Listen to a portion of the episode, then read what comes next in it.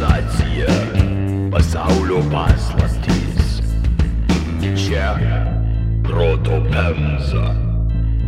Tomai, kokius čipsus valgai? Lenkišką markį. Užstrigo. To, to, tokie matsnus, kad per vaizdą negali. Copyrightas uždėtas už tai, kad nero- nerodytų. Transcending Jo. the video. Chips. Lietuva yra chips. X-Cut. Superstory. O bent geri? Mazaltov geriausiai klausytojai ir dar geresnis klausytojas. Pro kontento džiunglių tankynę jūsų link skverbėsi tinklalaidė Proto Pemza. Vienintelė hebra, į kurią patarimų kreipėsi čia GPT botas. Tai ne, ne batų nesiaukit, vis tiek niekas netvarkyta, bet astraliniais plaimais paldėti tikrai galite. Kaifą kiekvienai ausiai balsu dovanojanti Povila. Nihau. Vilėmės, kad katutės vis dar pliekia, nes pristatau ir aukščiausios prabos frajerį Tomą. Ahoj, hoj, vei.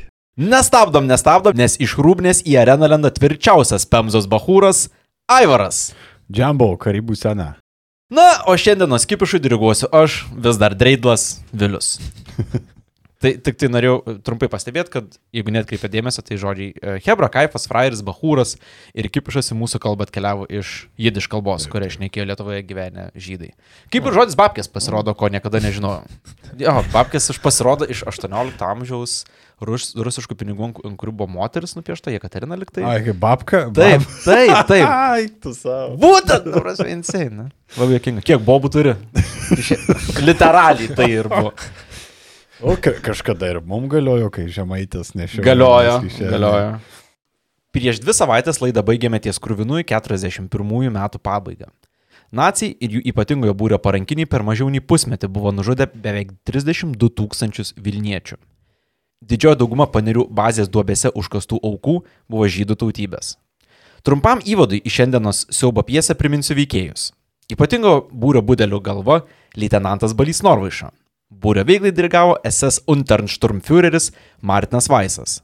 Tuo tarpu žudinės pralangas stebėjo ir detaliai aprašė žurnalistas Kazimieras Sakovičius. Šiai laidai parengti naudojasi tais pačiais šaltiniais kaip ir pirmoje bazėje skirtoje laidoje ir visi šaltiniai išvardinti besibaigiant penktai praėjusios laidos minutiai. Tik noriu perspėti jautresnius klausytojus, kad šiandien laukia itin grafiškos masinių žudynių detalės. Būkit perspėti. Jo, jeigu kažkam prispaudai galvelę jau paskutiniam epizode, tai turbūt šitam nebus lengviau bent jau gerą jo gabalą. Jeigu kolegos matėte citatas prieš epizodą, tai galite nujausti, kad jos gal net kiek traškesnės negu praėjusiam epizode. Pala. Pala, ša. Ty, tyliai, tyliai, girdėt? Nie, nu, povilai, imk, nekartojam veto pačio. Ai, tai kai aš noriu papasakot, kad NordVPN yra geriausia apsauga naršant internete, tai tada jau nekartok. Jei bandytum pasakyti, kad NordVPN programėlė užmaskuos tavo tapatybę internete ir garantuos visišką privatumą, nu tai tada gal dar. Jo, ar bent jau kažką tokio, kaip Ei, draugai, ar žinojot, kad NordVPN garantuoja interneto saugumą keliaujant, jungiantis prie viešo Wi-Fi tinklo ar prekinantis internetu? Nu, okay, best I can do yra. O ar žinojote, kad naujoji mešnet paslauga leis sukurti privatų tinklą tarp visų tavo prietaisų - telefono, planšetės ir kompiuterio? Palikai koncerto bilietus darbo kompio pats jau namie? Kur problemos? Juk su mešnet paslauga viskas pasiekiama per akimirką. O, jau kur kas geriau. Dar jei pridėtum, kad Threat Protection paslauga leidžia apsisaugoti nuo reklamų, stebėjimo priemonių ir kenksmingos programinės įrangos, tada jau sakyčiau labai gerą kontentą sukom. Klausytojai, kadangi šitie lopai manęs jau nesiklauso, sakau tik jum. Proto Pemzos klausytojai gali pasinaudoti puikiu pasiūlymu. Įsigijus NordVPN planą dviejiems metams, keturis mėnesius gausite nemokamai. O jei nepatiks, turėsite 30 dienų atgauti pinigus. Nu ir vis tiek nepasakė visko iki galo. O, o iš kur jiems žinot, kaip pasinaudot šituom pasiūlymu ir gauti keturis mėnesius NordVPN už dyką? Ah, nu tai nieko galiu aš pasakyti. Klausytojai, eikite į nordvpn.com slash protopemza ir griebkite išskirtinį pasiūlymą geriausioms internetinio saugumo paslaugoms. nordvpn.com/protopemza. Perki dviems metams, o keturis mėnesius gauni nemokamai. Prieš pradant tai paklausiu jūsų, ar yra kažkokių klausimų dėl praeito epizodo, ko, tarkim, neatsimenat, ar... Baigėsi kemper. Kem pirmųjų, pe- kem pirmųjų gale mes sustojom. Mhm. Tiesa, okay. sakykime, uždarėm kem pirmus praeitame epizode. Ir čia buvo kulminacija visų žudinių, kurios vyko, taip, tuo metu. Tuo metu. Ar, ar Tai buvo kilo pats- viskas. E, Tuo metu jau užsidarė, sakykime, didžiausias žudinių laikotarpis ir tokių kaip po masyvių žudinių, kur būtų žudomi keli tūkstančiai žmonių, kurį laiką nebuvo. Mhm. Ar gali primyti greitai laiko liniją, kada atėjo į Lietuvą, kada prasidėjo žudimas ir kiek jis trunka? Nacijai į Vilnių atėjo birželio 24 dieną, mažiau nei po savaitės prasideda žydų teisų atiminėjimas, Liepos pradžioj prasideda jau žudynės, o vidury prasideda sisteminės žudynės. Tai sakykime, kai yra keli šimtai žmonių vienu kartu, žmonės yra siunčiami į Lukiškės ir iš Lukiškių keliauja į panerius. Nuo maždaug rūpiučio vidurio iki spalio pabaigos žudynės jau vyksta labai labai masyviai, tai tūkstančiai žmonių. Tuo pat metu formuojamas getas, gete vykdomos valymo akcijos, ypatingai antroje rugsėjo pusėje ir spalio pradžioje, kuomet buvo naikinamas mažasis getas, turės apie 10 tūkstančių žmonių. Ir iki jau 41 galo įsivyrauja, sakykime, na, istorikų vadinamas ramybės ar stabilizacijos laikotarpis, kai nacijai išžudė x kiekį žmonių ir staiga jiem prisireikė darbo jėgos, į ką buvo žydai ir paversti. Žudimo bazės panerėse vaizdas nuolat kito, nes masinių egzekucijų dinamika reikalavo naciams būdingo novatoriškumo. Žudinių pradžioje, 41-aisiais, įėjimą į bazę saugoja vieni vartai, o teritoriją juosia sovietinės okupacijos metu pastatyta vėlinė tvora. Nors kartais būrio nariai naktimis likdavo bazės apylinkėse, tokio kaip ir nuolatinio posto nebuvo. Teko skaityti liudijimų, kad būrio nariai lietuviai vengia naktimis likti bazėje, nes bijojo, kad žudynės išgyvenusieji išlipę iš duobių juos nugalabis. Dėl to iš pradžių būdavo saugomi tik pagrindiniai bazės vartai. Tai, na, vartai tiesiog pro kuriuos įvesdavo žmonės. O patys žmonės bandydavo ten patekti savo norų, jeigu reikėdavo saugoti tuos vartus kažkaip tai. Ar Ar lab- čia labiau, kad neleistų pabėgti kažkam, jeigu... Jeigu netyčia- teisingai supratau, viena iš priežasčių yra ne tik gal, sakykime, po žudinių, kad žmonės nepabėgtų, bet kai atveda šaudyti žmonės ir jeigu tuo metu kiltų koks, koks nors amšis, tai kad jie galėtų pabėgti tik Izoliuoti. labai ribotai, ribotai teritorijai. O naktim, na, kaip ir karinį objektą Okay, okay, ne tiesiog, kad niekas neteitų, gal nefotografuotų ar, ar tuo labiau nepabėgtų išgyvenę žmonės. Tuo tarpu 42-43 sargybinių postai išdygo prie kitų bazės įėjimų, kurių iš viso galiausiai buvo keturi. Sargybos postuose būdavo būdima dieną ir naktį be pertraukų ir kartais su sarginiu šunų pagalba. Kodėl? Sa teritorija tampa vis labiau saugoma kaip, sakykime, stovykla, kaip bazė. Okay. Ji tampa iš spontaniškos, tam tikrą prasme, žudimo vietos į sistemingo naikinimo fabriką, Jo, jo, ane, kurį reikia saugot, nes jie visi žino, a, kas, kas ten vyksta. Vėlesniais metais panirių bazės saugumo lygis dar labiau išaugo. Į teritoriją patekti reikėjo pro trigubus vartus, bazė juosi trijų lygių spiliuota viela. Liudininkai pasakoja, kad ant tvorų kabėję ženklai skelbia, kad teritorija aplink tvorą yra užminuota. Paneris išgyvenęs 19-metis Zaidelis motelis po karo liudijo, kad saugumo lygis bazėje buvo pasiekęs tokį lygį, kad sušaudimas grėsė net atsitiktinai į ją užsukusiems Wehrmachto kareiviams. Neva jam pačiam teko matyti, kaip į bazę atslinkę vokiečiai be ceremonijų buvo nupilti vietoje. Reiškia, irgi supratimas labai aiškus yra, kad niekur gerai neina visa šita Taip. afera jų. Nors panerių bazės teritorija iš viso užėmė 5 kvadratinius kilometrus, skirtingais vertinimais nacijai naudojo apie 47-61 hektarą jos ploto. Tai priminsiu tik tai, kad Vilnius Akropolis kartu su visom stovėjimo aikštelėm užima 48 hektarus, o Nemuno sala Kaune apie 36. Teritoriją nacijai naudojo apie 10-15 pastatų. Tai buvo sandėliai, vėliau esesininkų barakai ir įvairūs saugojimo postai. Tarkim, vienas iš pastatų buvo skirtas sandėliuoti iš žudomų žmonių atimtus rūbus, juos rušiuoti ir, ir vežti toliau. Ir Tai- buvo barakai, kuriuose gyveno. Kuo arčiau į antrą pusę karo, tuo labiau. Taip. Oh, kokia vieta. Bet tai irgi, kadangi buvo tų pastatų su voktais daiktais, dar labiau paaiškino sargybą. Jo, tai yra, nu, aš žinau, kad labai sunku savo galvą apsukti į tą pusę, bet iš jų perspektyvos tikriausiai yra karinis objektas. Ne? Karinis objektas ir tiek, jei ne žudimo duobių sistema jo centre. Žudynėms nacijai naudojo devynias apvalias ir keturias stačiakampio formos duobes. Visas duobių kompleksas maždaug 7 hektarų ploto buvo aptvertas, atitveriant žudimo duobes nuo likusios teritorijos. Tokia nacijų inovacija garantavo, kad išgyvenę sušaudimą nepaliktų egzekucijos vietos. Tai principė mes turim bent jau dviejų lygių aptvertą sistemą. Tai yra bendra bazė aptverta mhm. ir dar turime viduje duobes aptvertas nuo galimų pabėgimų. Tai trys, trys tvoros įvažiuoti į vieną teritoriją ir Taip, dar paskui, jeigu taip. nori patekti jau pačią baisiausią Taip. vietą, yra dar viena. Taip, tai mes jau matom, vėlgi atsiminkim pradžiai, tai buvo kūro bazė, tiesiog didelė teritorija aptverta mhm. vienu sluoksniu vėlos, ne, nu, atskirta nuo, nuo pasaulio. Šiuo metu tai jau tampa rimtų karinių objektų su keliais patekimo lygiais, saugojimu užminuota teritorija aplink ir, na, Ir kaip keista, kad atrodytų, ką jau ten tokio saugot, kad nepatektų žmonės, bet Jo. kai supranti iš kitos pusės, kad uh, tikrai, tikrai neišeitum. O tos tvoros aplink uh, duobes, ar jos buvo tokios iki pat žemės, kad net davė kažkokio privatumo?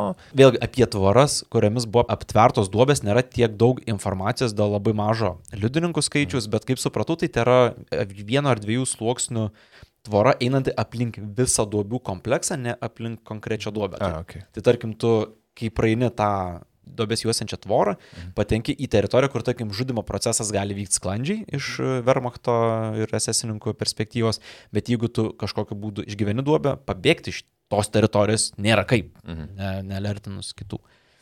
Daugiausia aukų buvo nužudyta keturiose milžiniškose duobėse. Didžiausia - pirmoji - 30 m pločio ir 5 m gylio. Tai duobė, kurioje 41 Liepą pasiruošimo egzekucijoms fotogravo patys nacijai. Skaičiuojama, kad vien šioje duobėje galėjo būti nužudyta apie 25 tūkstančius žmonių. Tiek pat, kiek šiuo metu gyvena Utenoje.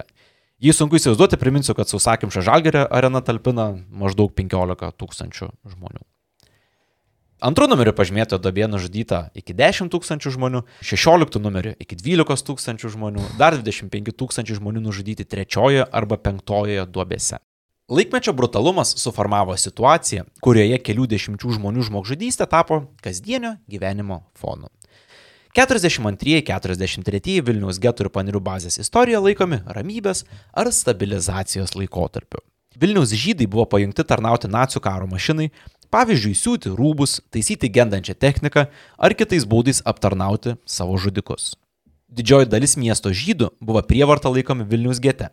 Vilnius senamieščio šmote per plotį išsitęsusiame nuo Rūdninkų iki Lydos gatvių, o per ilgį nuo Vokiečių iki Pylimo gatvių. Keliose siaurose gatvėse gyveno apie 20 tūkstančių žmonių. Maždaug tiek pat, kiek dabar gyvena visame Karoliniškių rajone Vilniuje ar Aleksoto rajone Kaune.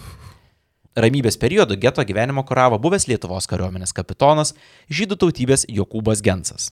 Jis laikėsi nuostatos, kad sunkiu darbu žydai gali įrodyti vokiečiams, jog yra labiau naudingi gyvi nei mirę. Įsikandęs šios politikos jis palaikė glaudžius ryšius su vokiečiais ir dideliam geto gyventojų pasipiktinimui reguliariai aukojo žmonės panerių dobėms. Pasak paties Genso, Sąskaitą apmoku žydų krauju, ne žydų garbe. Kai jie prašo manęs tūkstančio žydų, tiek jiems ir nusinčiu. Nes jei mes žydai patys neperduosime savų, vokiečiai ateis ir pasiims juos jėga. Ir tada jie pasiims ne tūkstantį, bet tūkstančius. Aukodamas šimtus, gelbėjau tūkstančius. Perdavęs tūkstantį, išgelbėjau dešimt tūkstančių.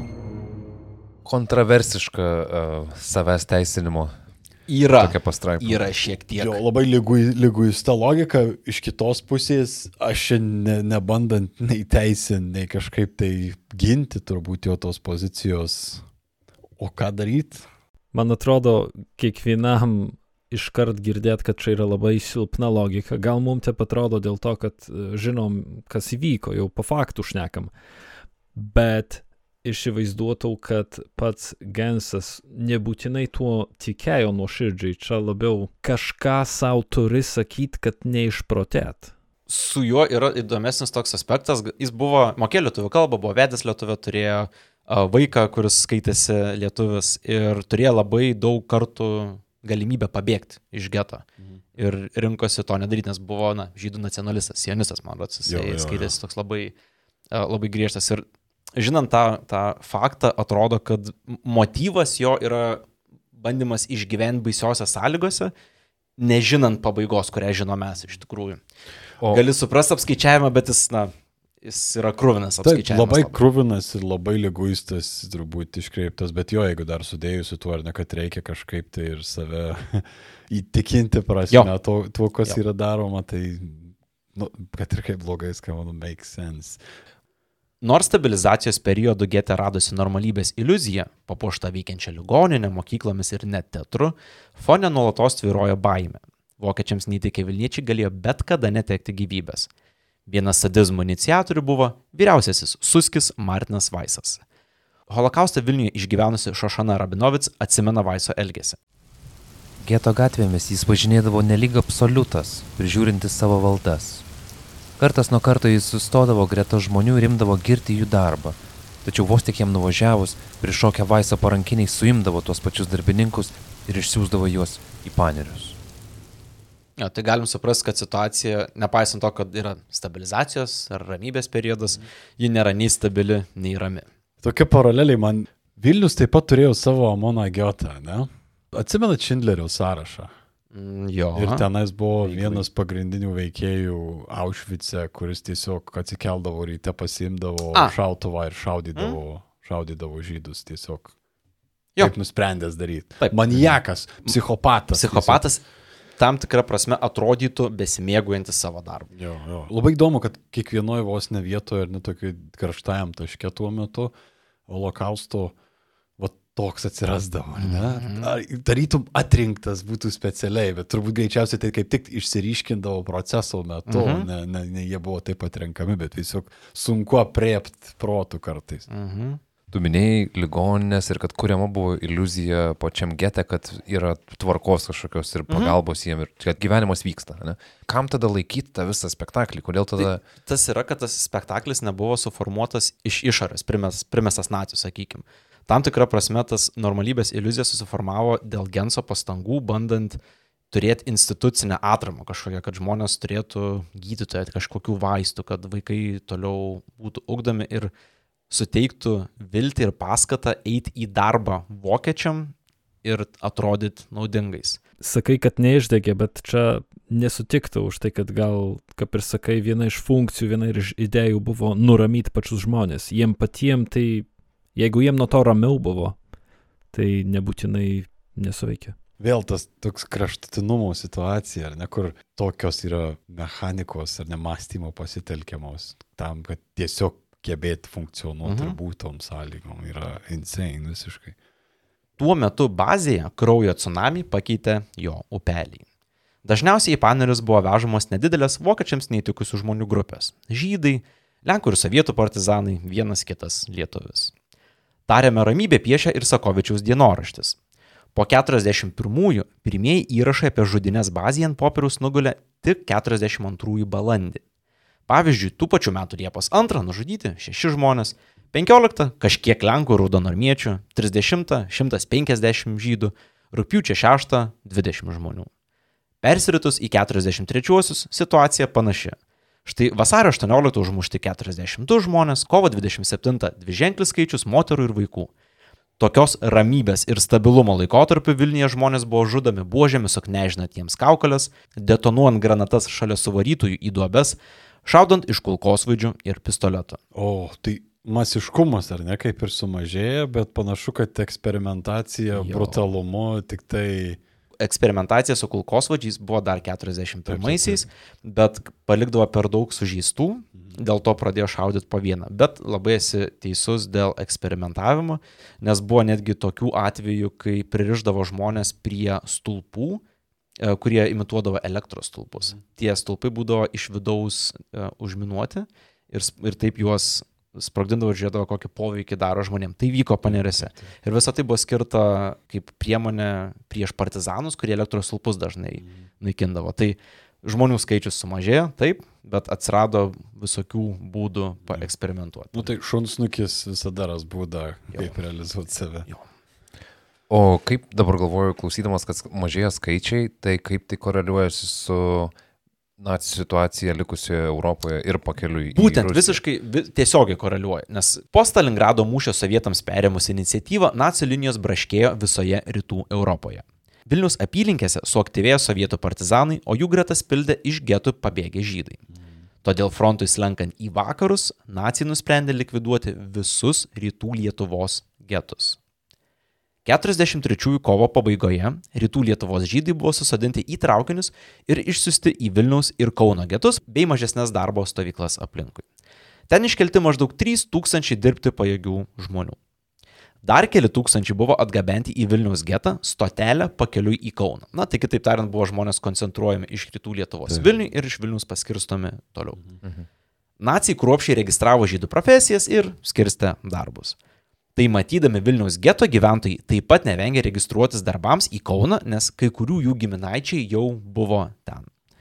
Balandžio ketvirtąją į Vilniaus traukinių stotį išvesti keli tūkstančiai žmonių. Jie buvo sukišti į priekinius vagonus, šie apvinioti spigliuota viela ir užkalti. Keliose traukinių sąstatuose buvo apie 50 gyvulinių vagonų su žmonėmis.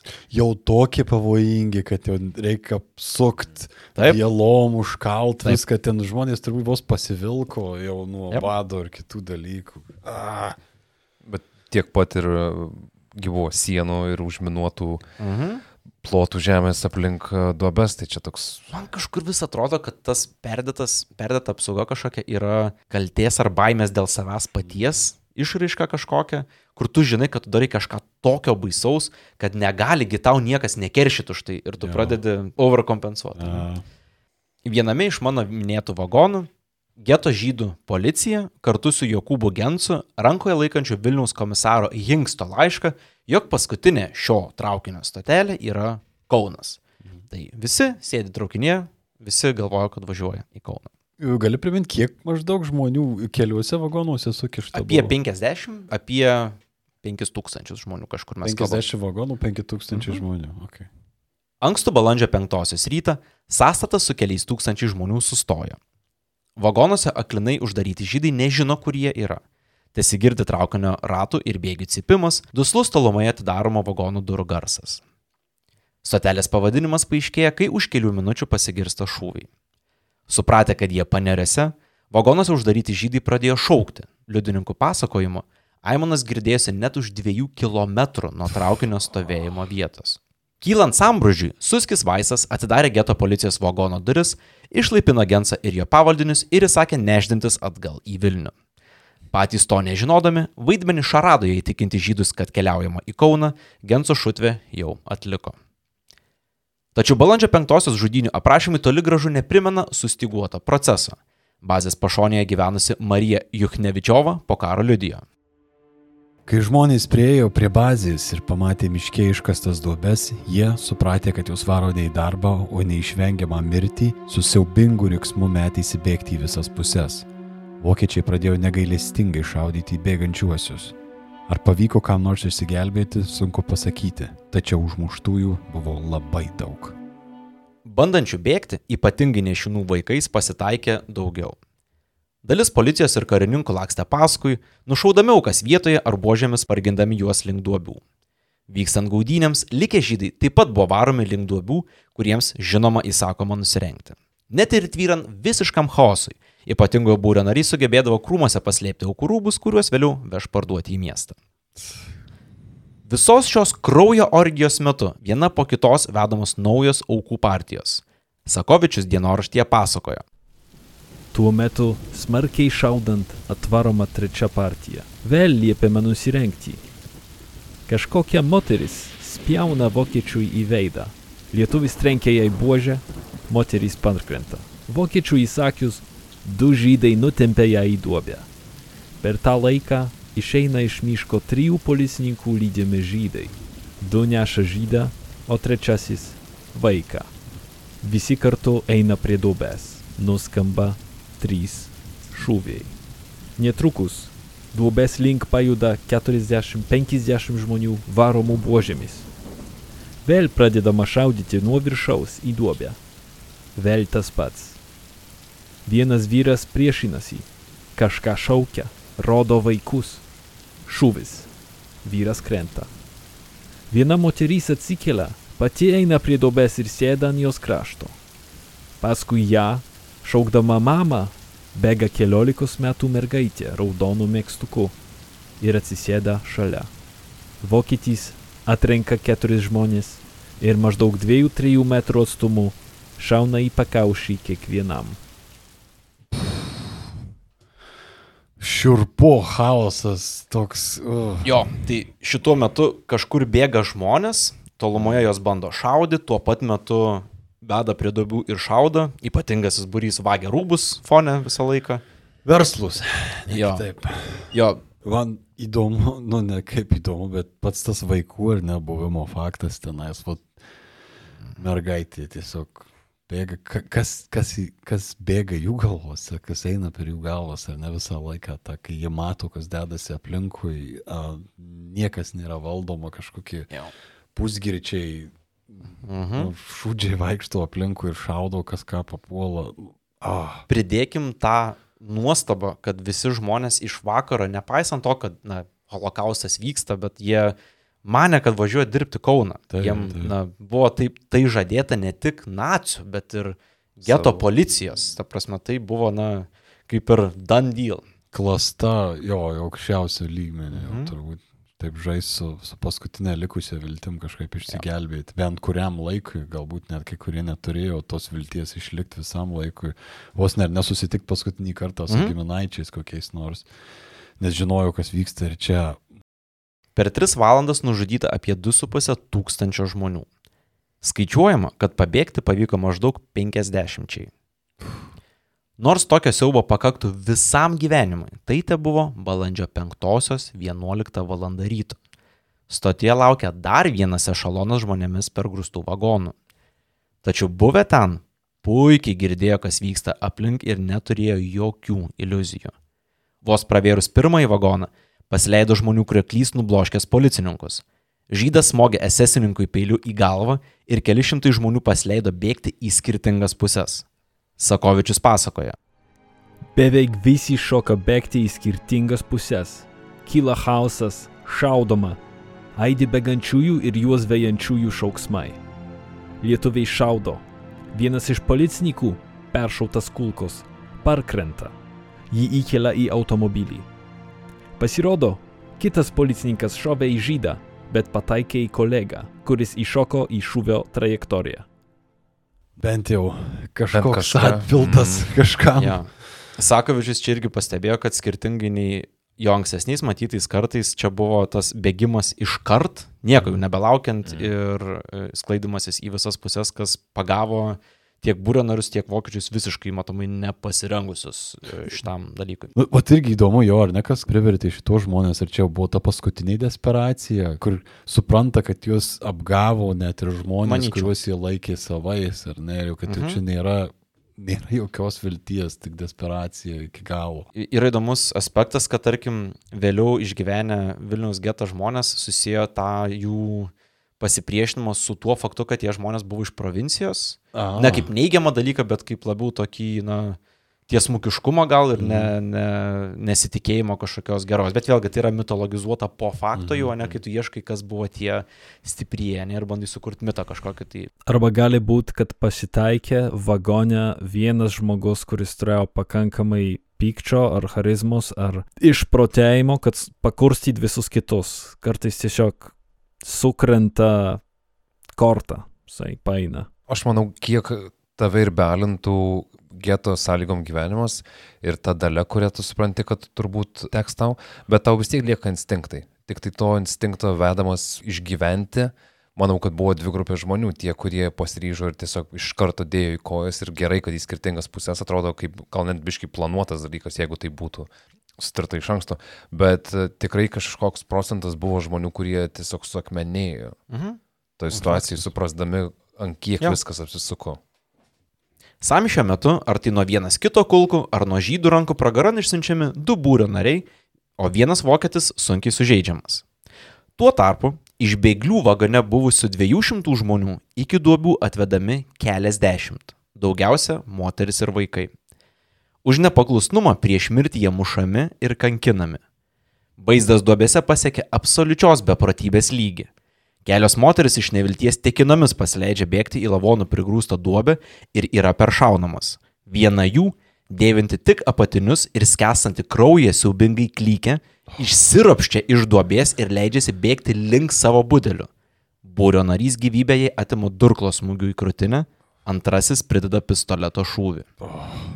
Bio visiškas barbariškumo Jo, spektaklis. Labai gerai, kad užsimni tą žodį, nes skaitant pirmą kartą man iškilo prieš akis tie masiniai žmonių žudimai 14 amžiui, kai tiesiog miestai išskersdavo tie ir va, dedasi tokie dalykai, kurių, į kuriuos aliuziją per kilbilą galėtume gal pamatyti, ne? Bet, bet realybei, už 9 km nuo čia, tai jo. Balandžio 5-osios beprotybė tęsiasi iki 4 val. vakaro, kol galiausiai įsivyravo kapinių tyla. Kilometro spinduliu aplink bazę guli šimtai bėgti bandžiusių žmonių kūnų, o prie tuščių traukinio vagonų sukrautas milžiniškas kalnas daiktų - lagaminai, vaikų vežimėliai ir duonos kepalai. Viskas sumišę į vieną nutrūkusių gyvenimų kratinį, kurį išvokti netruks nacijai ir būrio nariai. Balandžio penktoji veikiausiai buvo kruviniausia diena bazės istorijoje. Nužudyta daugiau nei 5 tūkstančiai žmonių.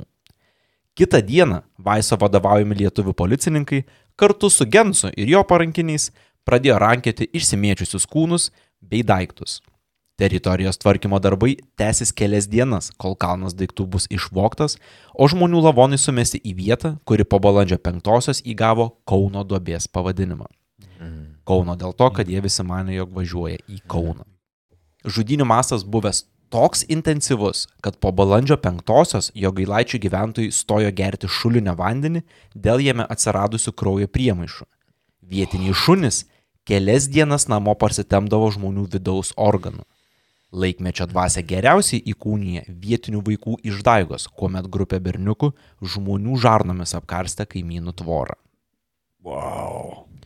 Tiek ir iš tos ramybės Jo, tai periodo. čia balandžio penktą žymi tos ramybės kaip ir pabaigą. Ok, o tai ką tada parodo vagonų atidarimas ir vokiečių toks nesugebėjimas suvaldyti tos situacijos? Kokia buvo pagrindinė priežastis?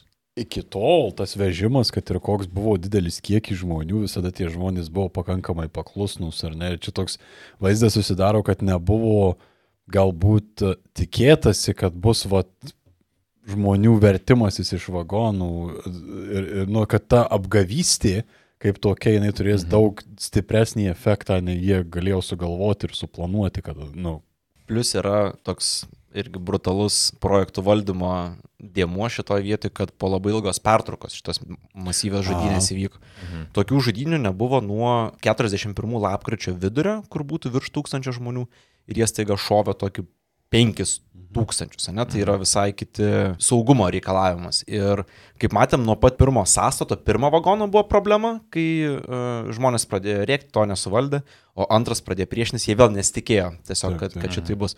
Bet čia irgi reikėtų pabrėžti, kad kai kalbama apie bandžiusius bėgti ir, na, kuriem pasisekė, tai daugiausiai yra iš vieno vagono. Kitus vagonus atidarydami jie su- sukontroliavo. tą Sukontroliavo. Lietai, bet užtikrintai artėjant raudonai armijai, vokiečiai susivokė, jog reikia pradėti slėpti įkalčius. 43 birželio 21 dieną SS vadovas Heinrichas Himmleris įsako sunaikinti visus Oslando teritorijų getus, tame tarpe ir tris likusius Lietuvoje - Vilniaus, Kauno ir Šiaulių. 43 rugsėjo 14 gestapas nušauna Gensą, o už dešimties dienų visiškai likviduoja Vilniaus getą.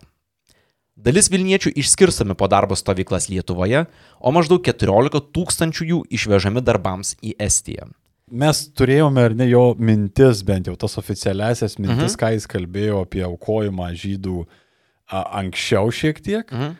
Ar kažkas pasikeitė po šito epizodo, jo, Jo. mąstyseno ir jo kalties galbūt kažkokiam suvokime? Jį teisingai supratau, kad balandžio penktoji buvo kaip ir lūžio taškas, mhm. kai jis suprato, kad ta jo politika, kuris bandė remtis, neveiks niekaip. Jis prieš tai irgi tai palaikė ryšius su geto pogrindžiu ir pro to tie ryšiai pradėjo intensyvėti, siekiant arba, kad žmonės pabėgtų, arba ginkluotus, arba kažką darytų. Tai buvo suprasta, kad viskas, ta prasme, kad reikia, reikia kažką, kažką daryti. Neradau konkrečių jo citatų Taip, iš, taip, taip. iš to laikotarpio, bet kaip supratau, pasidarė kur kas uždaresnis, mažiau kalbus, na, suprato savo klaidą Taip, realiai. taip. Juos visiškai apgavo, jų rankom padarė. Tai reiškia sąžinės, nu, nėra tai, kad jis buvo pardavęs visiškai savo sąžinę. Jis tiesiog galbūt buvo jo savai įsitikinęs tiek kažkokiu tai, nežinau, idealiuoju atveju, bet kaip pamatė tai, ką pamatė. Mhm.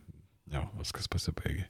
Irgi žiauri turėjo būti, tie paskutiniai mėnesiai turėjo labai skausmingi jam kažkur viduje būti, man atrodo, ypač jeigu jis buvo pasišventęs zionistas mhm. ir visa kita, tai čia, damn. Liepos 11 duomenimis Vilniuje, mieste, kuriame prieš karą gyveno per 58 tūkstančius žydų, liko 2382 žydų tautybės žmonės. Wow. Per dviejus metus nacijai ir jų bendrininkai sunaikino 96 procentus miesto žydų. Nu, Čia man visada šitas skaičius, aš kai tik jį pamatau, kažkur visada labai hitina, labai hitina, nes čia yra blogis. Vilniaus geto nebėra. Viskas. 43 metų ruduo baigėsi Vilniaus getas, baigėsi realiai Vilniaus žydų istorija, kokia ji buvo nuo 14-15 amžiaus. Viskas buvo atlikta per kelis šį metus. Du metus ir du mėnesius. Dviejų metų užteko ištrinti 500 metų Taip. istorijos, Visiškai. kultūros. Visiškai. Nuo pat 42-ųjų nacijai vykdė slaptą programą pavadinimu Zonderaktion 1005. Jos tikslas - paslėpti masinių žudinių pėdsakus, iškasant ir sudeginant aukų kūnus. 43 spalio lapkričio mėnesiais Panirių bazėje formuojamas nusikaltimų pėdsakų likvidavimui skirtas padalinys pavadinimu Zonderkommando 1005A. Čia šiek tiek ironiška, kad ypatingasis būrys taip pat buvo Zonderkommando iš vokiečio perspektyvos. Iš pradžių grupę sudarė 40 žmonių, kalėjusių gestapo būstinėje. Daugiausia tai buvę bandžiusiai pabėgti iš Vilnius geto, išgyvenę selekciją žudynėms ar bandžiusiai pasitraukti pas sovietus į rūdininkų miškus. Pirmasis grupės darbas buvo bazėje įrengti nuolatinę gyvenimo vietą. Nei akimirkai nepaleisdami kraugerių įvaizdžio, nacijai žydus nusprendė įkurdinti vienoje iš bazėje buvusių duobių, kurioje iki tol nebuvo šaudoma. Įkurdinti, ką mes turime omenyje, kai Aha. sakome. Apgyvendinti. Kodėl į duobę? What the fuck? Nes o kodėl ne? Maždaug 22 m pločio ir 5 m gylio duobėje akmeninėmis sienomis kaliniai įsirengė virtuvę maistui gaminti bei miegamąją dalį, kur trimis aukštais stovėjo gultai. Patalpos buvo uždengtos medinėmis lentomis. Bet kaip? Nežinau. Ironijos tame yra neįtikėtinai daug. Makabriška. kaip- Tuo metu, kai jie gyveno tose duobėse, jie yra tame pačiame lygyje kaip Būtent. dešimtis tūkstančių lavonų. Būtent. What the fuck? Nuo gruodžio iki vasario degintojų būrio narių skaičius padvigubėjo. Prisijungė žydai iš darbo stovyklų Vievėje ir Žiežmariuose bei saujelė sovietų karo belaisvių. Daugiausia būrio nariai buvo žydai, praktiškai išimtinai buvo žydai su keliais sovietais ir pavieniais lenkais. Tai šitas Sonder komando, jisai jau yra panašesnis į tą, kuriuos mes žinom iš Aušvico ir panašiai. Taip, taip, taip. Tai yra lygiai tos pačios programos taip, dalis. taip. Būrėbėje buvo ir keturios moteris, kurioms buvo paskirta gaminti maistą ir tvarkyti duobę. Patekti į ir iš duobės buvo galima tik su kopečiomis. Kiekvieną rytą jos buvo nuleidžiamas į duobę, o vakare išimamos. Įdant nekiltų minčių pabėgti, duobė juose minų laukas, o už jo spigliuota tvora bei keli sargybinių postai. Pradžioje duobės pavertė žudynių vietomis, šį kartą nacijai jas pavertė kalėjimu. Sargybinio rolę atliko jau tik patys vokiečiai. Baigiantis 43-iesiams ypatingojo būrio nariams lysti į bazę leidžiama jau nebuvo, o pats būrys buvo išsiųstas žudynės tęsti Kaune. Ai, tai tiesiog jos permetė. Jos vėl. ištransportavo toliau. Jos kaip profesionalus, labai stiprius savo srities specialistus tikrai pasiliko ir išsiuntė dirbti darbų kitose vietose. Kamšyt skylių kitur, kaip Taip. sakant. Taip. Oh. Deja, bet čia nutrūksta ir Sakovičiaus dienoraščio įrašai. Paskutinis datuojamas 43 lapkričio 6 dieną. Nors beveik neabejojama, kad dienoraštį jis tęsė, likusios jo dalis nerastos. Kadangi užrašus jis buvo užkasęs buteliuose, gali būti, kad vėlesnius įrašus žemė prarijo amžiams. Kiek ironiška, kad paskutinėme išlikusiame įraše Sakovičius kalba apie miškuose siautėjančius sovietų partizanus. 44 Liepos 5 dieną, likus savaitę iki raudonarmiečiams užimant Vilnių, nežinomi asmenys pamiškėje važiuojantį dviračiu peršovė ir patį Sakovičių. Nuo sužeidimų jis mirė ligoninėje. Vienas pirmųjų nacijų įsakymų degintojų būriui - nevadinti kūnų lavonais ar žmonėmis, vietoj to taikant terminą figūros. O kažkaip primena kažką. Kažkuriame epizode buvo Malkom ir Rastai. rastais. Jo. Kažką. Išmokus šią terminologiją prasidėjo darbas. Deginimo procedūra buvo parengta iš anksto ir vykdoma preciziškai. 15 vyrų, kuriems kojos buvo sukaustytos metaliniais apkaustais, kirto mišką laužams. 2-3 statė laužą, 10 atkasinėjo lavonus, 8 juos traukė iš duobių, dar 10 žmonių nešiojo kūnus, keli prižiūrėjo degantį laužą. Vienas degintojų būrio narys, Abromas Blezeris, vaizdžiai apibūdino kasdienybę. Baisu net prisiminti, koks tai buvo klaikus darbas. Ištisa nužudytų žmonių masė. Suspausti, supresuoti, prilipę vienas prie kito. Vieni guliu kniupsti, kiti ant šonų, treti paskutinę prieš mirtinę akimirką apsikabinę. O susipinę lavonai nesiduoda ištraukiami. Atitrūksta rankos, kojos, kitos kūnų dalys. Už tai ypač siunta kapinių direktorius Vaisas. Jeigu nuo vieno lavono atitrūko rankos ar kojos, reikia pridėti nuo kito. Jam figūra turi būti pilna. Jis beveik atmintinai žino, kiek kurioje duobėje yra nužudytųjų. Ir figūrų skaičius turi atitikti jo duomenis. Kodėl čia jo toks susirūpinimas ta statistika? Nes jis yra pridavęs vadovybei X kiekį nužudytų žmonių, Mhm. yra šitie dokumentai ir jis turi atiduoti vadovybei X kiekį sudegintų žmonių. Tie skaičiai Exceliuose turi sutapti. Okay. O kitaip jis darbą atliko. Plus čia turbūt yra bandymas, žinai, išnarpliot e, psichopato mąstymą, nes kaip žinai pats, tai dažnai turi tokius ar ne fiksacijas ties vienom arba kitom detalėm, kurių tikslumas jiems kažkodėl tampa vos nesvarbiausių dalykų. Yra vienas aspektas, dėl ko Vaisas galėjo dar norėti, kad būtų surinkti maksimaliai, e, teko skaityti atsiminimų žydų, kad jie tyčia stengiasi neiškasti visų žmonių, kad paliktų kažkokių įkalčių. Nes jie suprato, ką jie daro, jie naikina nusikaltimo įkalčius realiai. Jo. Kaip jau galite nuspėti, Vilniečiams dirbant vietoje, kurioje užkasti beveik visi nužudyti Vilniaus civiliai, laukia akistato su brutalia realybė.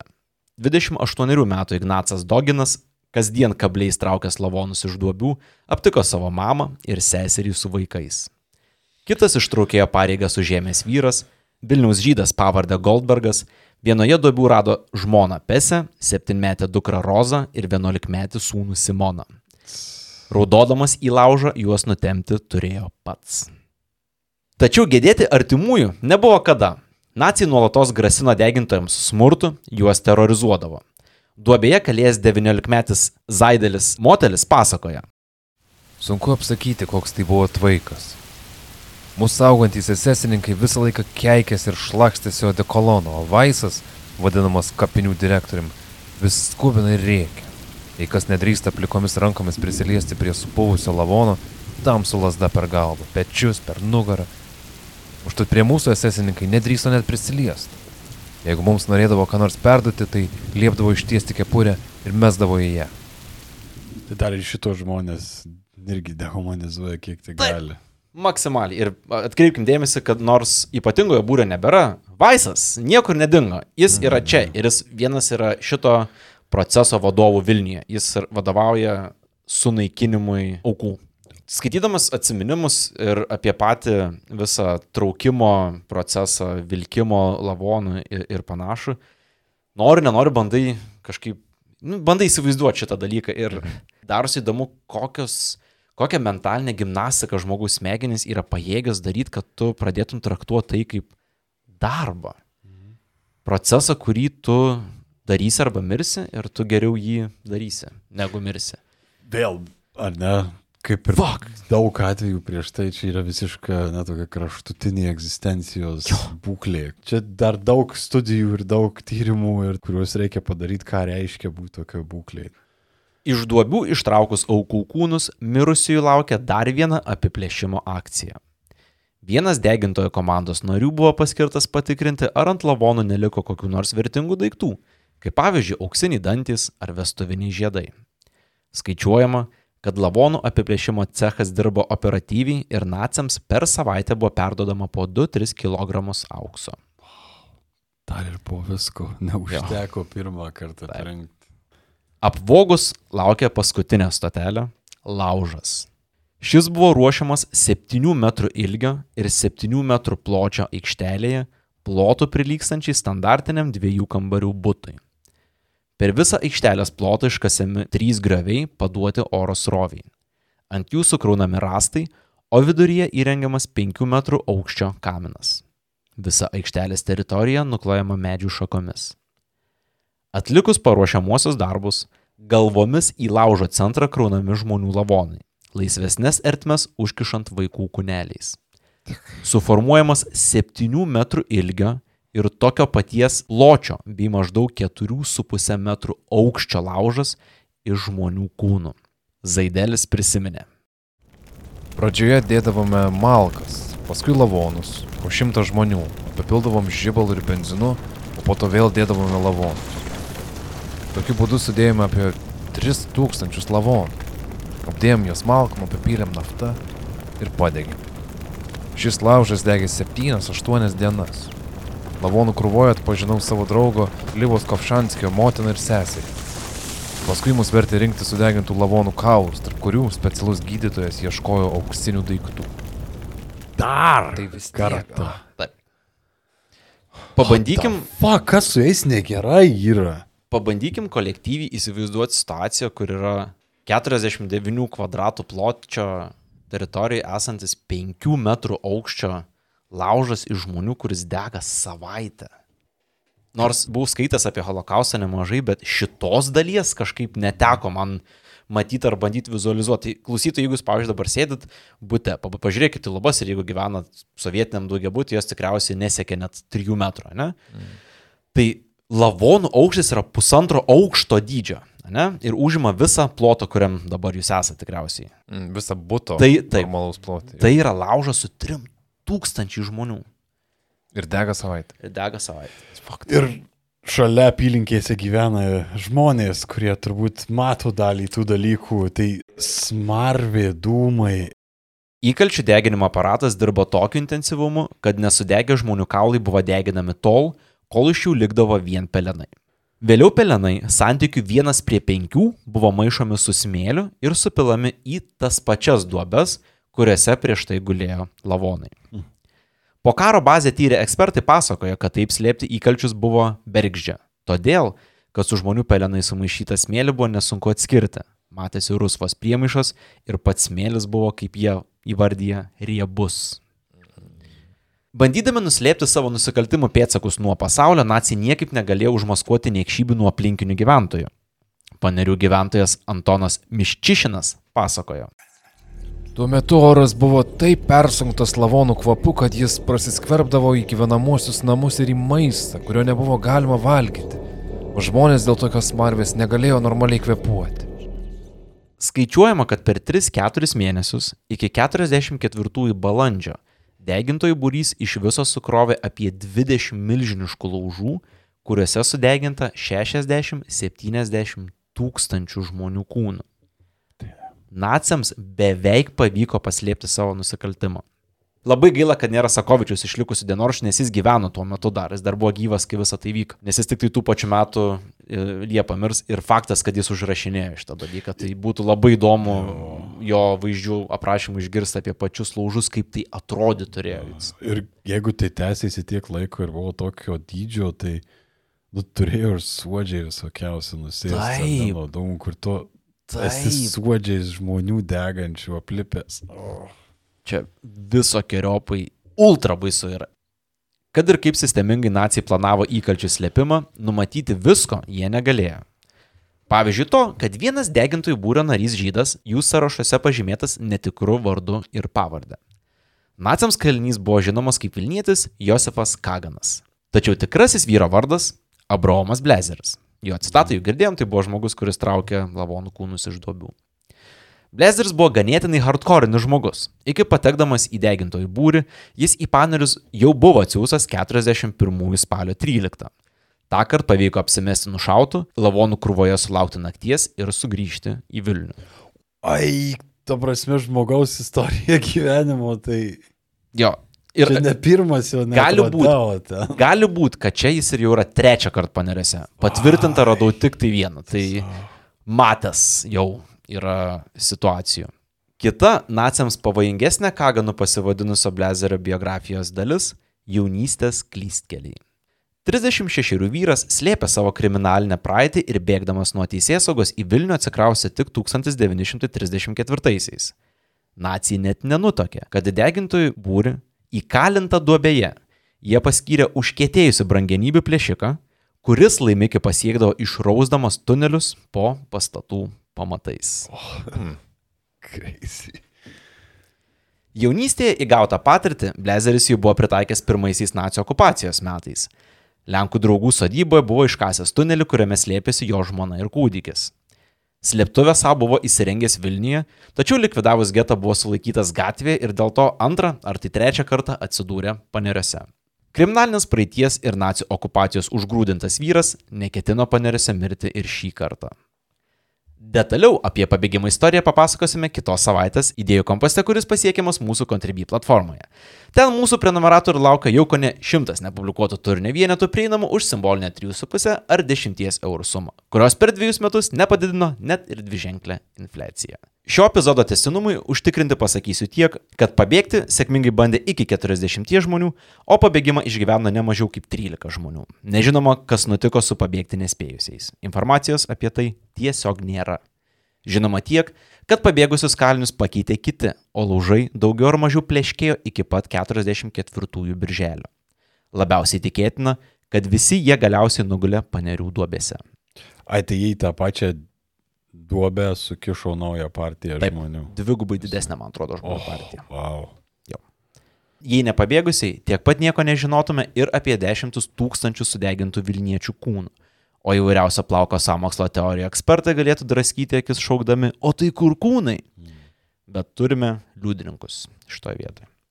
Istorikų vertinimu žudynės bazėje vyko nuo 41 Liepos 11 iki 44 Liepos 1. Tai beveik trejus metus. Bazė sustojo veikti likus maždaug dviem savaitėms iki raudonai armijai užimant Vilnių.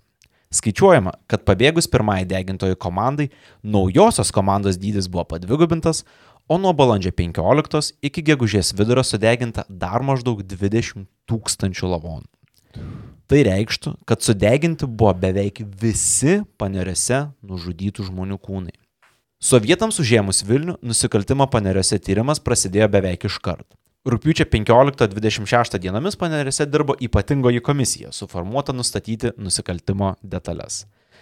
Nors tirtos devynios lokacijos, kūnų rasta tik trijose, kitose daugiausia likę su smėliu sumišę kaulai ir pelenai.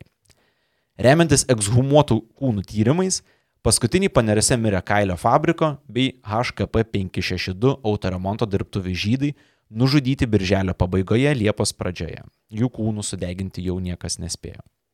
Vieno skaičiaus aiškiai nurodančio, kiek žmonių mirti pastiko panerėse, mes nerasime. Sovietų ypatingoji komisija pasirinko gražų apvalų 100 tūkstančių aukų skaičių. Konservatyviais vertinimais mirusių galėjo būti kiek daugiau nei 50 tūkstančių. Pastaraisiais metais nuodugnesnius tyrimus pasitelkiant modernę techniką atlikę istorikai ir archeologai linksta ties 83 tūkstančių aukų. Viso labo 17 Vilniečių kūnų buvo susijęti su konkrečiais vardais. Oh. Kiti amžiams liko pelenose ir šiuo metu jau blėstančioje artimųjų atmintyje. Pirmąjį paminklą atminti panirių aukoms savomis lėšomis išgyvenę žydai pastatė dar 48 metais. Tačiau vos po metų jį nugriovė sovietai pakeisdami kančios simbolį monumentų bevardžiams sovietiniams piliečiams. Čia irgi pastebėčiau, kad dabartinis monumentas labiau atitinka tą pirminį vaizdą negu, negu tas, kuris buvo sovietmečiu. Jisai, man atrodo, ir yra ten ir tas paliktas iš sovietmečio. Aš galiu klysti. Gali būti, aš. Bet nepamenu. ten jie keli, man atrodo, dabar stovi Mhm. toj teritorijoje vien Mhm. dėl, dėl to kontrasto parodymo. Tai nežinau, gal, gal ir nuėmė paskutiniais metais, bet man atrodo, buvo ir Gali būt, sovietų kad piliečiam likę. Čia irgi tiesiog laiko nebuvo daugiau leistis, nes panirių atmintis mirtis galėtų irgi būti vos neatskiras O, jo. epizodas, nes yra keli periodai, kuriuos išgyveno nuo dykvietės, kas buvo 10 metų visiškai tiesiog apleista palikta, palikta vieta. Po to prasidėjo, pavyzdžiui, kasimo darbai, tai tarkim, nau- naujasis geležinkelis, kuris yra na, atsiradęs po karo jau, kerta bazės teritoriją. Ir istorikai daro prielaidą, kad yra duobių, kurios nėra rastos dar. Nu, žinai, reikia džiaugtis, kad bent jau nėra pastatytas koks nors uh, spa kompleksas ir dar kažkoks Bent jau didelis pastatas Jo, ant jo. tos vietos, kas labai galėjo atsitikti. Man atrodo, kad, kad, kad nemaža dalim irgi yra atsitiktinumas, kad to nenutiko, mhm. nes tas ta vieta kaip suprantam ir negryžo niekada daugiau į tą kurorto Ne, ne, fazę. ne. Dabar jų ten gamyklinių buvo. Mhm. pastatų pilna ir niekada tikriausiai ir be kitos kažkokios masyvios transformacijos ir nepasikeis. šitą. Tikriausiai įdomu, kasgi nutiko kraugeriams savo rankomis nužudžiusiems dešimtus tūkstančių moterų, vyrų ir vaikų. Kaip ir minėjau prieš tai, 44-aisiais ypatingasis būrys persikėlė į Kauną, kur 9-ame forte toliau sėkmingai žudė žydus. Liepos pradžioje prie būrio prisijungė ir Suskis Vaisas. Iš Kauno budelį patraukė iš Stuthofą, kur turėjo paimti virš tūkstančio moterų grupę ir išvesti ją Torunės miesto link. Tolimesnė įvykių eiga pasakojo būrio narys Petras Černiauskas. Ten išbuvome iki 45 metų balandžio pradžios, o paskiau artėjant frontui, tas moteris varėme Bitgoščio miesto link. Ten pervarėm per Vyslas tiltą ir kai tik perėjom tiltą, jis vokiečių buvo susprogdintas. Tuo jau mes tas moteris palikom ir likusiai būrio dalyviai išsibėgiojom, nes Vaisas pasišalino anksčiau. A, Pasielgi kaip paskutinis šūdo gabalas baigėsi. Dėjo į kojas. Nuo tos akimirkos būrio narių gyvenimai susiklostė labai skirtingai. Pavyzdžiui, būrio vado Balio Norvišos likimas iki galo net nėra žinomas. Vienais vertinimais jis mirė per bombardavimus Dresdene, tuo tarpu kiti teigia, kad jam sėkmingai pavyko pasitraukti į Junktinės valstijas. Praėjusiame epizode minėtas Stasys Livčinas 51-aisiais buvo nuteistas mirties bausme, o bausmė tais pačiais metais įvykdyta Vilniuje. Kitas būrio narys - Mečys Butkus, vienas būrio steigėjų apibūdinęs paskutinę Vilniečių kelionę iš Lukiškių kalėjimo į Panerius, 46-aisiais nuteistas 10 metų lagerio, paleistas mirus Stalinui, o į Lietuvą gyventi grįžo 86-aisiais. Hmm. Iki paskutinių dienų su būriu buvęs Petras Černiauskas iki 64-ųjų kalėjo įvairiose lageriuose, o po to grįžo į Lietuvą ir įsikūrė Vilkaviškyje. 84 ypatingojo būrio narių biografijų santrauką yra pateikęs istorikas Arūnas Bubnys. Jo teigimu, sovietų ir komunistinės Lenkijos valdžiai skirtingomis bausmėmis nuteisti pavyko ne mažiau kaip 27 ypatingojo būrio narius. Kiti sėkmingai pasitraukė į vakarus, žuvo dar karo metais, tapo KGB ryšininkais Lietuvoje, jungėsi prie lietuvių partizanų ar tiesiog nusėdo ramiam gyvenimui provincijoje. Paskutinis būrio narys Vincas Sausaitis mirties bausme nuteistas buvo 78 metais. Okay. Tai turim nuteistus 27. 80 buvo maždaug pastovus skaičius, bet jie rotavosi, o pradžiai skaičius buvo gerokai didesnis.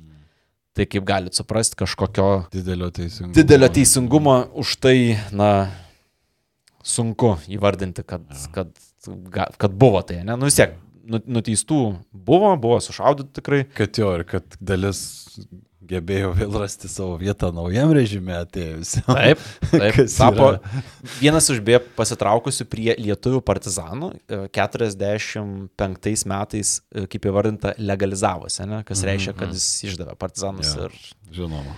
tai salto tęsiasi Aha. ir po karo labai intensyviai darimas. Bet įdomu, kad jų buvimo vietos žinomos, tai čia skamba kaip darbas Mosadai.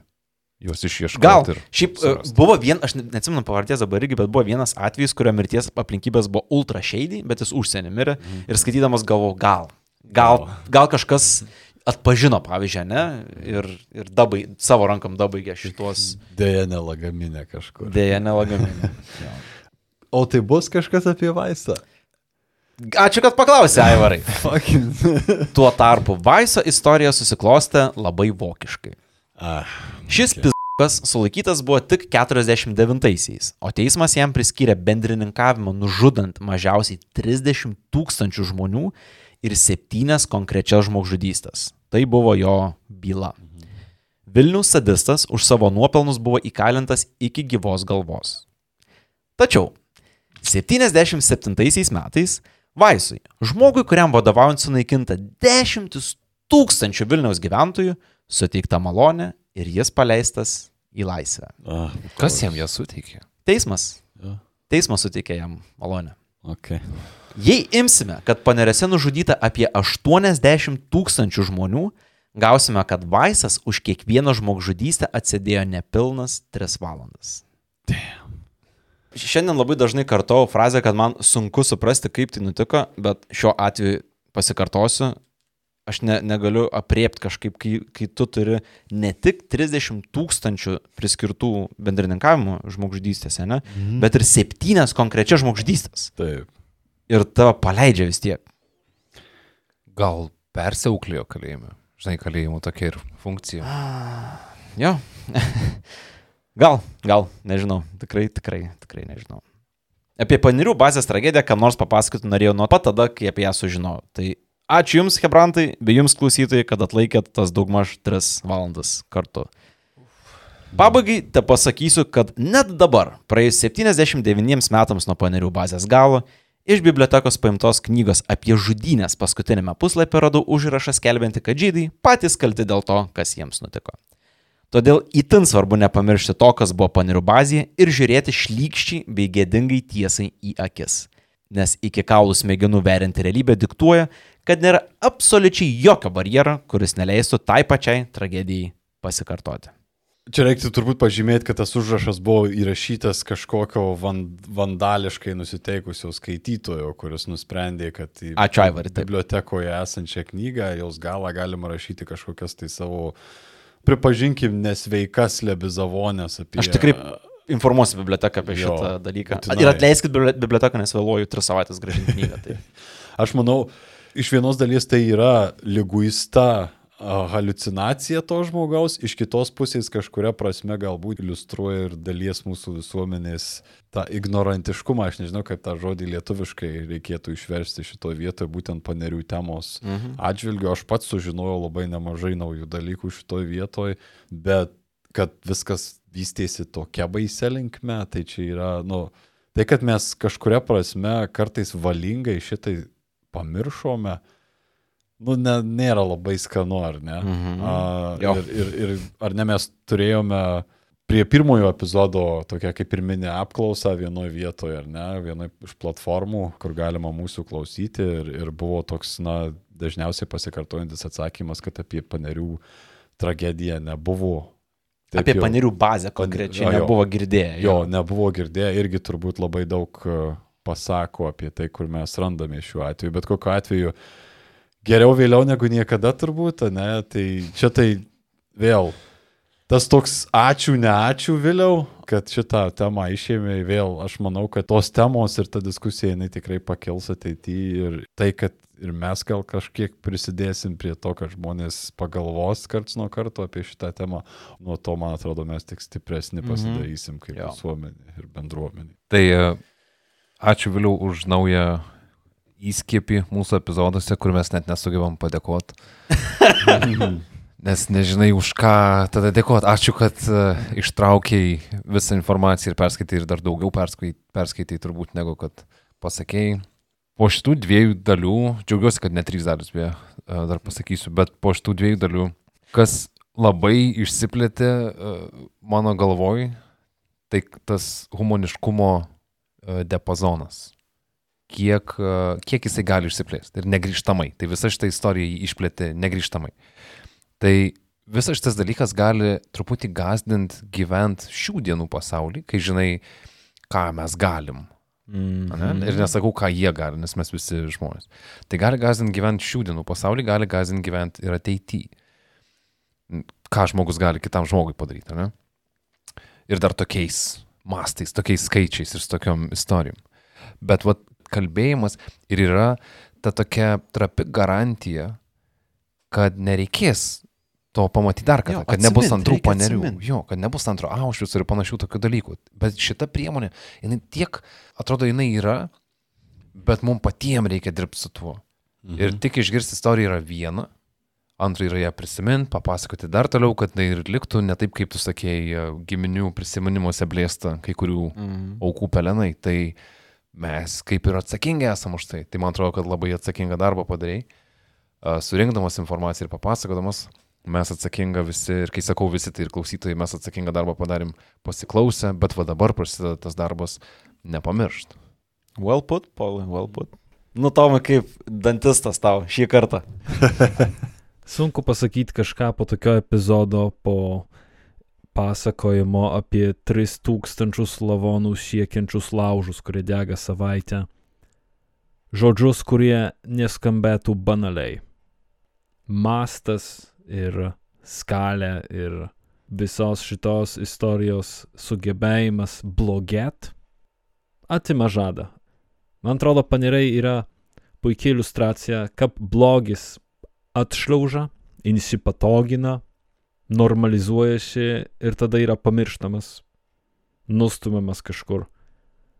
Tikiuosi, kad pajudės galbūt Lietuvoje kokia akcija visiems valstybės mokiniam bent kartą apsilankyti su ekskursija paniruose ir, ir suprast, suvokti šitą, kad nesikartotų, nes visi puikiai žinom, kad tarp mūsų ir tų žmonių paneruose, nesvarbu, kurioj duobės pusėje jie stovėjo, mus skiria užuolaidos storumo atsitiktinumų seka.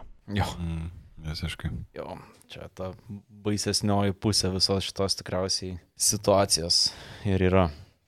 Jo, aš norėčiau gal pabaigai atsiprašyti žmonių, kurie daug daugiau žino ir skaitė apie panelius, nes esu tikras, kad nepavyko išvengti vienos kitos klaidos tikriausiai ir tikrai nepavyko sudėti tiek informacijos, kiek buvo norėta į tai sudėti, nes atrodo, kur tik pasisuksi tiek ir gali išsiplėsti į, į, į, bet kurią, į bet kurią pusę. Bet, na, tikiuosi, kad kažką naujo sužinoti iš viso šito ir nebetrodys ta vieta tokia svetima iš tikrųjų, nes ji yra Vilniaus istorijos integrali dalis ir patinka mums tai ar ne, ten yra modernaus Vilniaus pradžia.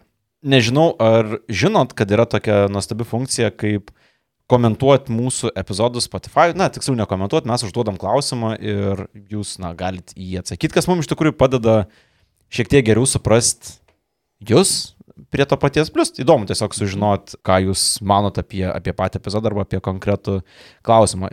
Tai ne, nepatingėkit, jeigu per appsą naudojat, tai užduokit klausimą, jeigu klausot YouTube, tai YouTube pakomentuokit, jeigu, o jeigu kitur, tai, nežinau, ateikit YouTube arba Spotify ir tenai, tenai prikomentuokit mums dalykų. Tiesiog įdomu, įdomu žinot, ką jūs, ką jūs manot apie mūsų darbą. O daugiau tikriausiai ne, nedaug ką mes čia ir pridėsim, esam antros dalies pabaigoje, tai a, nepamirškit už savaitės a, ateiti pas mus į kontribį, nes bus visa, visas epizodas apie pabėgimą iš panerių, kur mes ten šiek tiek a, aptarėm tą visą labai įdomią istoriją. Nepamirškit ateiti pas mus į Facebooką, į Instagramą, kur mes kartais ten story išrašinėjimų įdedam, arba šiaip kokių nesąmonių, arba tiesiog pasidalinam epizodais. Nepamirškit ateiti į ką šneka Lenkija pas Tomą paskaityti, Mhm. kaip jau galit nuspėti, ką šneka Lenkija, kur mūsų e, Lenkijos rezidentas Tomas apžvelgia ir aprašo detaliai visas svarbiausias naujienas. Tai tiek. Viso, mėly klausytojai. Stiprybės jums. Ačiū, iki. Nu, nuvažiuokit į spapą ir Tie, tie, kas klausėtės šito prieš miegą, aš jums nepavydžiu. ja. Mes irgi įrašinėjom prieš miegą, tai Taip. mes tikrai jūs suprantam, žinai. Taip, tikrai taip. Iki. iki. Labą. Ačiū. Iki. Mėly mūsų klausytojai, dar neskubėkit išsijungti, žinau, kad norėtųsi po tokio ilgo epizodo jau eiti ir išsimaudyti vonioje kokiai, bet mes dar turim neužbaigtų reikalų. O tie reikalai yra širdingiausias mūsų padėkos mūsų ištikimiems ir labai labai mylimiems kontribį remėjams. Todėl visos komandos, viso mūsų nuostabaus kolektyvo vardu norėčiau padėkoti Rasai, Imon Zimon, Tomui, Renatai, Irmantui, Albinui, Dariušui, Žiedūniai, Ernestai, Tautvidui, Doviliai, Augustijai, Sandrai, Ingai, Simui, Osvaldui, Gabijai, Aušrai, Tomui, Jurgitai, Tedžiui K, Erbreideriui, Aušriniai, Antai, Markui, Nerijui, Lincijai, Giedriui, Robertai, Ernestai, Monikai, Volterui, Semui, Mantaskului, Mindaugui, Simonai, Rūtai, Kertukai, Andriui, Vaidui, Persivaliui, Justui, Linai, Brigitai, Marijai, Nastiušai, Arvidui, Burbalicious, Sauliui, Arūnui, Edvinui, ne šiaip Indriai, Dianai, Medoniui, Akviliai, Rasai, Kepsloku, Ufonautui, Kepslokas užsidaro, Jolitai, Vygai, Gretai, Giedriui, Rūtai, Tomai, Gabrieliui, Benui, Rolandui, Tadui, Justinui, Domantui, Jovitai, Eirimiai, Ainui, Dominikui, Andriui, Mikui, Evelinui, Kūgiui, Mūgiui, Gediminui, Gin, Dominikai, Simui, Egliai, Justinui, Kunigundai, Venskūnaitai, Auritai, Šarūnui, Jurijui, Linai, Stepanui, Arminui, Donelaitai, Pauliui, Meškiui, Mariui, Ryteniai, Treigytai, Gabrieliai, Melitai, Marijui, Žygimantui Jonui, Justei, Edvardui, Mykolui, Editai, Arūnui, Sauliui, Rūtai, Benai, Dominikui, Rasai, Darislovui, Astai, Tadžikučiui, Remigijui, Gretai, Egliai, Audrai, Mikipūrui, Doviliai, Andreliui, Simui Mariui, Domukui, Mildai Vaidai, Bučinskaitai, Gretai, Agniai, Akučaitai, Pytskai, Jorindai, Povilui, Ačiū. Egliai, Julijai, Mantui, Robertui, Mindaugui, Pijui, Pauliui, Vytautui, Deimantei, Mantui, Dėdį Tomui, Alvitai, Eimantai, Viliui, prašom, Skirmantai, Monikai, Aušriniai, Kristinai, Arnui, Aidai, Medeinai, Urtai, Egliai, Gintai, Doviliai. Na, o toliau vardų skaitimą perims Povilas Juos! O taip pat labai dėkojam Mantui, Agniai, Mykolui, Dariui, Raimondui, Eitvidui, Inai, Gailiai, Mirandai, Agniai, Dariui, Videopunk, Dievoje Gurkui, Laimonui, Petrui, Liudui, Redai, Raimondui, Solveigai, Kristai, Vytautui, Justui, Almantui, Mikliai, Karolinai, Robertui, Marijai, Robertui, Vaidotui, Tomui, Geruliai, Gyčiui, Irmantui, Silvijai, Rokui, Soliukiai, Elijui, Martynui, Kestui, Daliai, Tumėniai, Gustai, Linai, Aistai, Arnui, Vilitai, Rimantai, Seliukaitai, Deimai, Donatui, Gabrieliai, Rekui, Giedriui, Kornelijui, Čigėt, Doviliai, Simonui, Rimai, Vikai, Benui, Antropikui, Lukui, Jėvai, Viliui. Prašom. Labai gerai. Stamalonu padėti. Matui, Gretai Bagdo, ponui Mindogui Jot, Eimantui, Astai, Ugniai, Audriniui, Paulinai, Ptšč, Rūtai, Juditai, Tėvo Vamzdžiui, Evelinai, Daugelieniai, Dariui, Igniukui, Ernestui 473, Kristinai, Pauliui, Justinai, Ingridai, Kristinai, MD, Lagaminui, Agnainiui, Indrei, Michaelui Scottui, Viktorijai, Egliniai, Vytautui, Austėjai, Reptilijui, Gvidonešiui, Jėvai, Šliaužytai, Žakamama, Sandrai, Karoliui, Gabrieliui, Margaritai, Gedrai, Džiugui, Edvinui, Sestin, ponui Joriui Kompostui, Elvinui Zabirkai, Editai, Ramintai, Čarliui iš Verdansko, Gvidui Šarūnai Martynui, a, Justai Pripūstai, Kalviui, Samantai, Antanui, Medai Kotrinai, Pauliui Lau, Mindaugui, Džiugui, Donatui, Artūrui, Julijai, Simonai, Monikai, Povilai. Maladės, Maladės, Povilai. Taip, ačiū. Akviliai, TJMTV, Pauliui, Rimantui, Jovitai, Agnietai, Ingridai, Živiliai, Gabrieliai ir Sauliai, o taip pat Ta, ta, ta, ta, ta, ta, ta, ta, ta, ta, ta, ta, ta, ta, ta. Aivaras dabar. Tu muzikalus? Keturguba Asantė Sena tarėme Mildeliai, Karoliui, Eugenijui Migliai Gretkai, Riokui, Serui Taučiui, Reinaldui, Rokui, Simonai, Gabrieliui, Kiprui, Domantui, Mindaugui, Didui. Didui Bybui, Zombie Unicorn, Juozui Arnoldui, Sigitui, Nurčikui, Tomui Vaidotui, Medžiui, Betonburniai vagonetė, Jogiliai, Almai, Davidui, Tadui, Rimai Kats, Ramualdui, Laurinas Nui, Major Tam, Laurinavičiui, Donatui, Migliai, Pisimantui Bakštučiui, Erikai, Markui Gin, Greitai, Čiharai, Linai, Max Galingumui, Martynui, Agniai, Renatai, Kamiliai, Gretai, Brigitai, Barškalui, Gerdai, Laurinui, Rapolui, Ievai, Štrimaitytei, Viktorijai Sum, Ingridai, Mantui, Paulikui Lukui, Ugniai, Vaidui, Nykštukų fabrikėliui, Neringai, Eiviliai, Orintai, Evaldui, Juliui, Arūniai, Neringai, Goblinui, Inesai, Liochai, Linai, Donatui, Daivai, Baronui, Birutei, Birutei Jot, Viktorijai, Pauliui, Eimontui, Laurinui Šalitaus. Laurinai Šalitaus! Laurinai. Kamiliai, Pikabuzybų, Deimantai, Laimonui Vil, Exibau, Dariui, Mariui, Benediktai, Mantūsui, Kristinai, Doviliai, Kulinariai, Justinai, Pemetrai, Tulpaitei, Donatui, Ugniui, Liniui, Dominikui, Dainorai, Ritai, Julijai, Duke Silver, Artūrui, Erikui, Dianai, Tomasino, Tomui, Mariui B, Egliai Tree, Erikai, Kuoraitai, Giedriui, Radzvilai, Dietlovo meškutėms. Ačiū Dietlovo Martynui iš Raufos, Augustei, Dain vienas Us, Aivaras Eksas, šadam. Dainiui, Aurimui, Godai, Vyk, Viktorui Beg, Tautvydui, Irmantui, Evelinai, Martinui, Jevai, Justinai, Emilionai, Egidijui, Mantvydui, Sauliai, Raimondui, Marzazilui, Valiui, Liudai, Dominikui, Vismantei, Budzimbiškių kamienui, DJ Music, Peleidžiukams, Vilmai, Monikai, Katablankui su Katablankiukais, Arūnei, Neringai, Mildai, Audriui ir Gražviliai. Ačiū dar kartą jums visiems. Ačiū.